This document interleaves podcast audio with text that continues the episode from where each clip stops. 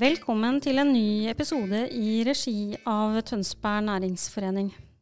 Jeg heter Heidi Skjeggerød, er daglig leder i Tønsberg næringsforening og jobber bl.a. for at våre medlemmer og næringslivet i regionen skal være så godt informert som overhodet mulig i det vi må kalle en kaotisk tid.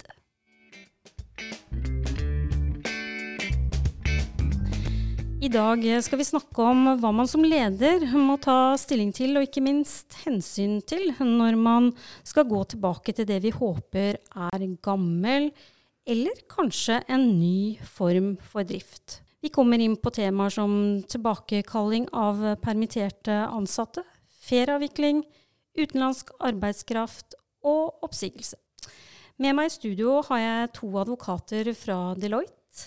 Det er Henriette Breili og Avesta Gåskjønli. Velkommen til dere begge to.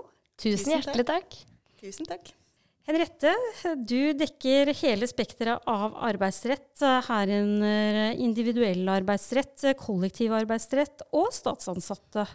Du bistår både arbeidstagere og arbeidsgivere.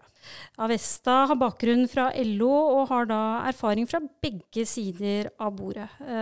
Og du bistår både internasjonale og norske virksomheter med arbeidsrettslige problemstillinger. Begge to jobber i Deloitte sin arbeidsrettsavdeling i Oslo. Eh, men Deloitte har avdeling her i Tønsberg også, som jobber med revisjon, rådgivning og advokattjenester. Det er 24 ansatte her lokalt. Så da, disse berømte hjulene har begynt å rulle igjen. Eh, og det er mange som nå vurderer å ta tilbake ansatte som har vært permittert. Hva skal man som arbeidsgiver gjøre når man skal vurdere behovet for hvem av de permitterte ansatte som man har behov for kommer tilbake på jobb? Først må arbeidsgiver se om dette her er noe som tidligere er drøftet med tillitsvalgte. Har man da fastsatt en, hvilken rekkefølge de ansatte skal tilbake til, eller ikke. Selv om man har gjort den vurderingen der, så er det likevel viktig at arbeidsgiver må være bevisst på hvilken kompetanse og arbeidskraft de har behov for. For det er nettopp det. Nå skal man prøve å få omsetningen og driften i gang igjen. Så hvis man f.eks for å gjøre det litt enkelt, da, hvis man f.eks. har eh, behov for en eh, elektriker, og man har allerede drøftet og sagt at det er snekkeren som skal tilbake først, så må man være såpass realistiske at det er elektrikeren som kommer tilbake. Og da er det spesielt viktig at man tar en ny runde med tillitsvalgte og eh, drøfter eh, nettopp behovet. Og spesielt da hvis man går bort fra en fastsatt rekkefølge som man har blitt enige om på forhånd. Dette her må jo skje litt smidig. For det er så viktig at man kan få tilbake de ansatte man har behov for. Ja, og jeg vil føye til at uh, i store virksomheter hvor uh, det typisk er uh, forskjellige typer yrker, f.eks. rørleggere, snekkere, elektrikere som jobber ved den arbeidsplassen, så vil det da være enklere for arbeidsgiver å si at elektrikeren skal tilbake, som da kanskje har lavere ansiennitet enn de øvrige, fordi det er den kompetansen den har behov for. I andre virksomheter hvor eh, kompetansen er noenlunde likt, vil det by på større utfordringer å eh, bestemme hvem som skal komme tilbake. Og da er det da typisk de utvelgelseskriteriene som eh, Henriette viste til, som vil være avgjørende. Kanskje det viktigste her er at det må være en prosess, og den må være saklig. Den som skal tilbake, det må ikke være vilkårlig. Og det er veldig viktig å understreke at ja. tilbakekallelse prosessen ikke må fremstå vilkårlig. Eh, men den må jo være eh, begrunna i et behov. Absolutt. Eh, I forbindelse med permittering, og har heller ikke blitt enig med tillitsvalgte om hvordan tilbakekallingen skal skje. Hvordan skal bedriften gå fram da? Ja, Det er et veldig interessant eh, spørsmål. Eh, veldig mange virksomheter ble stengt på dagen. De permitterte alle sine ansatte uten at det ble drøftet hvilken rekkefølge det skulle permitteres ut fra, eller hvilken rekkefølge det skulle tilbakekalles ut fra. For de virksomhetene vil det da være særlig viktig at de da innleder eh, kollektive drøftelser i den grad det er tillitsvalgte på virksomheten, eller om det er tariffbundet. Hvis det ikke er det, så må de eh, på en eller annen måte få formalisert hvordan tilbakekallingen skal skje. Det betyr at de må velge noen kriterier, typisk kompetanse og ansiennitet og, eh, og, gå ut ifra. Her mener jeg da at eh, når det gjelder da utvelgelse, altså hvem som skal komme tilbake, det må da være basert på saklige kriterier. Og jeg mener at det er et klart skille mellom eh, bedrifter som er tariffbundet, og bedrifter som ikke er tariffbundet. I tariffbundet bedrift vil det da eh, typisk være ansiennitet, som da vil være førende for hvem som kommer tilbake. I bedrifter som ikke er bundet av tariffavtale, vil det da ikke gjøre seg gjeldende like sterkt. Og så over til dette med ferie. Eh, kan permitterte ansatte pålegges ferieavvikling? Permitterte ansatte er i utgangspunktet fremdeles ansatte i virksomheten. Og ferieloven gjelder også for permitterte ansatte. Det betyr da at en permittert arbeidstaker har både rett og plikt til å avvikle ferie. Eh, og inn i det ligger da også at arbeidsgiver kan pålegge arbeidstaker å avvikle ferie. Men et praktisk spørsmål som vi kommer også tilbake til, er jo da utbetaling av feriepenger. Hva skjer eh, hvis arbeidsgiver ikke har råd til å betale ut eh, feriepenger i juni eller juli? Først så tenker jeg det er litt viktig å understreke at det er ikke vond vilje, men det er det at man har likviditetsmangler. Og det er kanskje derfor man havner i en sånn situasjon som man har gjort nå. Og mye av det er, skyldes jo den spesielle tiden eh, som man har vært gjennom, og som man fortsatt er i. Men feriepenger det er særlig beskyttet, så det har et sånt eget vern på samme måte som lønn. Så hvis man ikke betaler ut feriepenger, så kan det i verste fall kunne føre til konkurs. Og det er eh, veldig viktig å være obs på. Og da anbefaler vi at eh, man må da f.eks. kunne se om man kan få lån for å kunne betale ut feriepenger. Man, eh, vi har jo sett at eh, statsgarantert lån kan jo være aktuelt å søke på. Og i tillegg så kan man jo også vurdere om man kan få utbetalt eh, feriepengene forholdsmessig ved siste lønnsutbetaling før ferie. Og det er jo egentlig det som er hovedreglene etter ferieloven, og ikke den praksisen som er i dag ved at man betaler ut feriepenger i juni. Så hvis man har arbeidstakere som skal avvikle ferie senere på året, så kan det være mulig å ta den lønnsutbetalingen senere. Men det er litt obs, obs, med mindre noe annet følger av avtalen. Hvis det står i arbeidsavtalen at feriepenger skal utbetales i juni, så er jo egentlig det eh, rammen her. Fin info. Den tror jeg flere har eh, Den er det flere som har etterspurt. Mm. Så veldig, veldig bra. Bare Apropos det, bare skyte inn, og det gjør det også kanskje litt vanskelig med ferieloven. Eh, man kan ikke avtale seg bort. Det er derfor man sitter der og kan ikke inngå avtale med arbeidstaker og si sånn Du, kan ikke du få feriepengene utbetalt neste halvår? Da har vi litt mer likviditet. Det har man egentlig ikke. Altså, man har ikke mulighet til å gjøre det, selv om arbeidstaker er villig. Så har jo også arbeidstaker en plikt til å avvikle ferie etter ferieloven. Og det er jo derfor det, dette er så rigid, for de skal faktisk avvikle ferie. Og det er jo kanskje derfor man ser det hensiktsmessig at de arbeidstakerne avvikler ferie nå i rolige perioder hvor det ikke skjer så mye, istedenfor når kanskje omsetning av driften går opp igjen til høsten. For arbeidsgiver og arbeidstaker kan, altså selv om ferien er eh, var i mars da, bestemt at arbeidstaker skal avvikle ferie i juni, så kan jo arbeidsgiver og arbeidstaker bli enige om å flytte den til senere på året hvis det er hensiktsmessig. Men det forutsetter da at arbeidsgiver da går med på det. Dette her er ikke noe arbeidstaker ensidig kan kreve. Men igjen da, så vil jo det bli spørsmål om å utsette problemet. Altså Betalingsplikten den bortfaller ikke. Den bare blir utsatt til senere på året. For den delen av ferien som ikke er mulig å få oppført. Så vi kommer vel egentlig tilbake til at de bedriftene som ikke har likviditet til å betale ut feriepenger, de bør oppsøke banken og se om de kan få lån. Og frem til 1.6 eh, var det mulig å få, eh, få, staten med på laget, hvis man da søkte om statsgarantilån. Men det er jo, vi er jo forbi 1.6, så det er jo for seint for de som ikke har søkt. Det er viktig informasjon å få ut.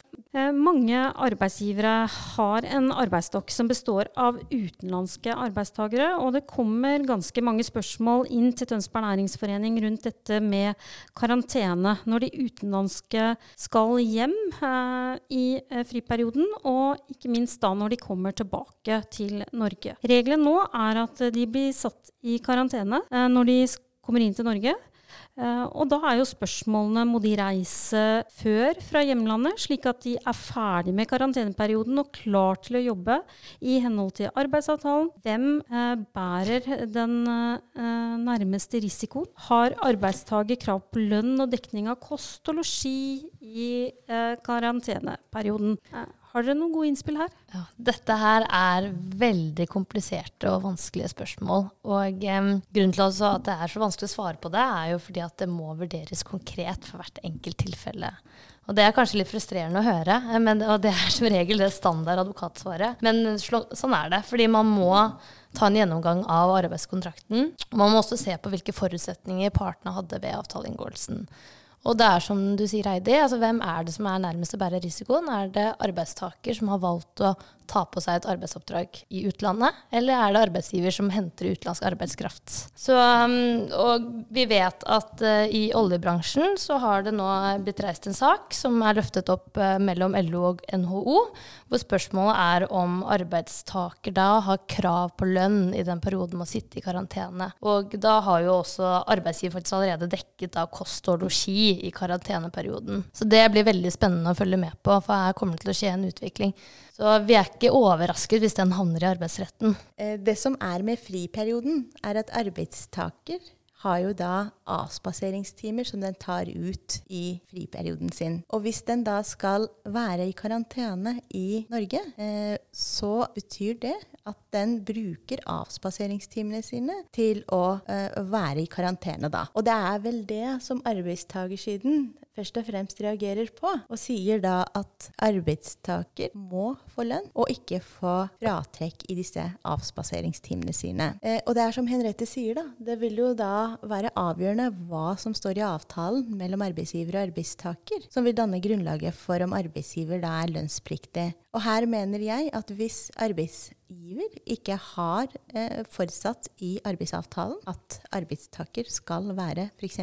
i Polen i den friperioden sin, så ligger det da innenfor arbeidsgivers styringsrett å be arbeidstakeren om å oppholde seg eh, i Norge i eh, f.eks. å være på en Eh, plass som gjør at den kan være klar til å, eh, å, jobbe når den skal jobbe. Arbeidsavtalen den er jo basert på ytelse mot ytelse. Hvis arbeidstaker frivillig pådrar seg karantene ved å reise til et sted, eh, også til utlandet, så vil jo det bety at arbeidstaker ikke kan stille sin arbeidskraft til disposisjon for arbeidsgiveren når arbeidsperioden kommer. Og da er jo det kanskje ikke så utenkelig at arbeidsgiver da tenker at ja, kanskje friperioden er et tidspunkt hvor arbeidstaker skal være i karantene, slik at den er klar når arbeidsperioden kommer. Mm. Og da har du også en sammenheng med hvor nødvendig er det egentlig for arbeidstakerne å dra hjem i friperioden? Eh, da tenkte jeg vi skulle snakke litt om dette med kompetanse, eh, og det å rigge eh, bedriften sin best mulig for å møte fremtidens behov. Og vi vet jo at kompetanse er viktig. Det har det alltid vært. Og ikke minst riktig kompetanse til rett tid. Og mange ser jo nå at eh, markedet har endret seg, og at eh, det kanskje da eh, er en vridning av etterspørselen etter andre varer og tjenester enn før covid-19. Hvilke alternativer har man som arbeidsgiver dersom bedriften man driver har endret seg, og man ser annen, et annet behov for kompetanse? Ja, det er ikke så utenkelig at covid-19 har endret eh, måten vi jobber på, og ikke minst det vi jobber med. Eh, det som eh, arbeidsgiver kan gjøre eh, i kraft av styringsretten sin, er da eh, f.eks. pålegge arbeidstaker nye arbeidsoppgaver som den tidligere ikke har eh, utført. Der er det eh, begrensninger, da. Det er slik at hvis arbeidstaker kan tilegne seg kompetansen for å utføre de oppgavene da, innen typisk seks måneder, så vil det da ligge innenfor arbeidsgivers styringsrett å foreta en sånn endring. Andre endringer, f.eks. å pålegge en rørlegger å jobbe som snekker, vil da være typisk utenfor det arbeidsgiver kan gjøre. Da. Hvis, den har, hvis den ikke lenger har behov for rørleggere, men har behov for snekkere, så må den da si opp rørleggere og ansette snekkere. Det er sånn det må bli. Men arbeidsgiver da kan jo gjøre en del ting i kraft av styringsretten sin, og det vil da være eh, typisk hvordan virksomheten er organisert, hvordan oppgavene er fordelt. Eh, den kan se på bonusordninger, den kan se på lønnsnivået. Vi har en eh, dom fra lagmannsretten som sier da at eh, lønnsreduksjon på 10-15 eh, ligger da innenfor arbeidsgivers styringsrett når formålet er å berge virksomheten. Det vil det være aktuelt for veldig mange virksomheter å gå til det skrittet. Men mitt klare råd er jo da at arbeidsgiver da må gjøre dette her, grundige drøftelser med, eh, med tillitsvalgte eller eh, representanter for ansatte. Og at man eh, ser hvilket kart man skal følge da, til det nye terrenget. De lager seg et nytt kart. Det er jo ofte det som vi på Deloitte kaller for right sizing.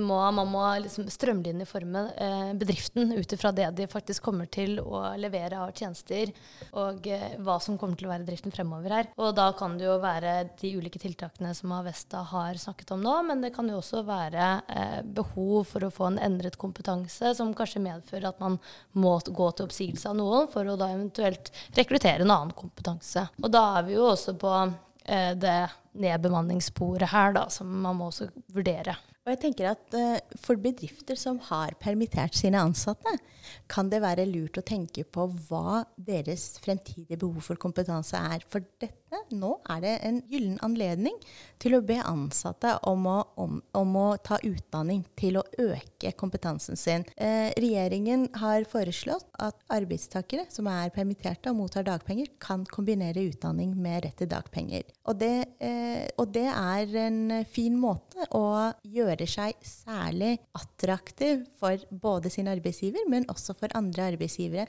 i et marked som vi tror kommer til å være vanskelig fremover.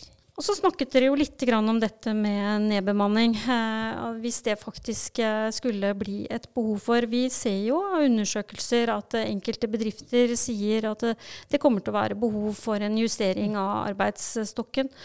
Um, hva, er det, hva, er det, en bedrift skal sørge for, hva er det man skal passe på? Hva er det man skal være oppmerksom på i, i den tida? Fordi det er jo sånn at arbeidsmiljøloven er jo fortsatt førende i en kaotisk tid. Ja, og til det så vil jeg si saksbehandling. Det er veldig, veldig viktig at saksbehandlingen er grundig, at man har god dialog med arbeidstakerne, at man har klart for seg hvordan bedriften skal se ut i fremtiden. Og så er det da utvelgelseskriterier og utvalgskrets, da, Henriette?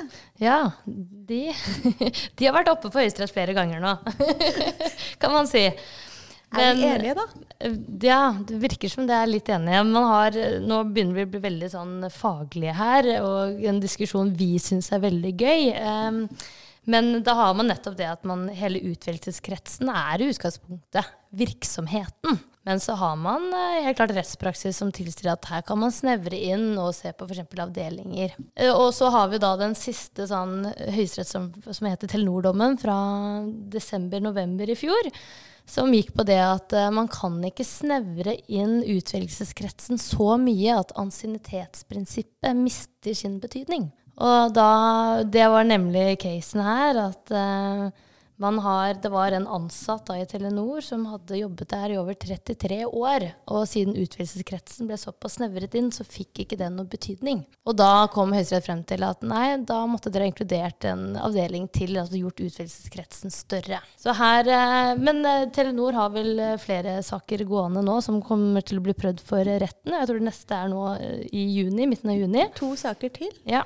Eh, så det er for virksomheter som typisk eh, har flere avdelinger over eh, kanskje hele landet, vil det være viktig å kartlegge hvor er det vi skal nedbemanne, og må velge en utvalgskrets som er representativ. At den ikke blir for snever. I det tilfellet da, som vi snakket om nå, Telenor-saken, så var det da en dame på 32 år som var alene om å utføre akkurat de oppgavene som skulle bortfalle. Da vant jo arbeidstakersiden frem med at ansiennitetsprinsippet mistet sin betydning. Fordi det var ingen andre hun kunne sammenlignes med, og dermed hadde det ingen betydning at hun, var, at hun hadde da en ansiennitet på eh, 32 år. Bare, vi, mener jo det at her er det en forskjell på hvilke virksomheter som er tariffbundne og ikke. Eh, fordi ansiennitet har en så sterk posisjon i tariffbundne virksomheter som man ikke da eh, trenger å ha i virksomheter som ikke er bundet av tariffavtaler. Da er det kanskje kompetanse som man legger mer vekt på.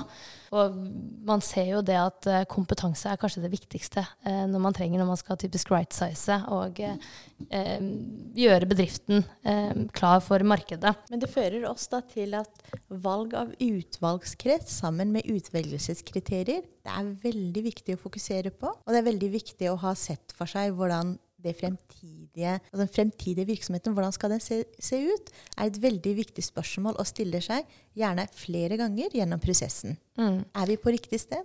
Gjør vi dette her riktig? Passer utvelgelseskriteriene til det dit vi skal? Har vi med oss rette folka? Vil virksomheten vår klare seg med de menneskene vi skal ta med oss videre? Godt tips. Så til alle eh, medlemmer og dere andre også, så er eh, tipset fra Deloitte eh, at man følger avtaler, følger lover og regler. Og at den situasjonen og covid-19 den påvirker egentlig ikke nevneverdig arbeidsforholdet i Eller pliktene i arbeidsforholdet i, i så veldig stor grad. Tusen takk til dere begge for veldig gode og nyttig informasjon, og ikke minst råd. Det setter vi stor pris på. Takk for at vi fikk lov å komme hit og dele våre erfaringer, og ikke minst få snakke med det vi liker best, nemlig arbeidsrett. Tusen hjertelig takk for oss. Så vil jeg også til slutt eh, takke Xframe, som står eh, bak det praktiske rundt eh, denne podkasten. Takk for i dag.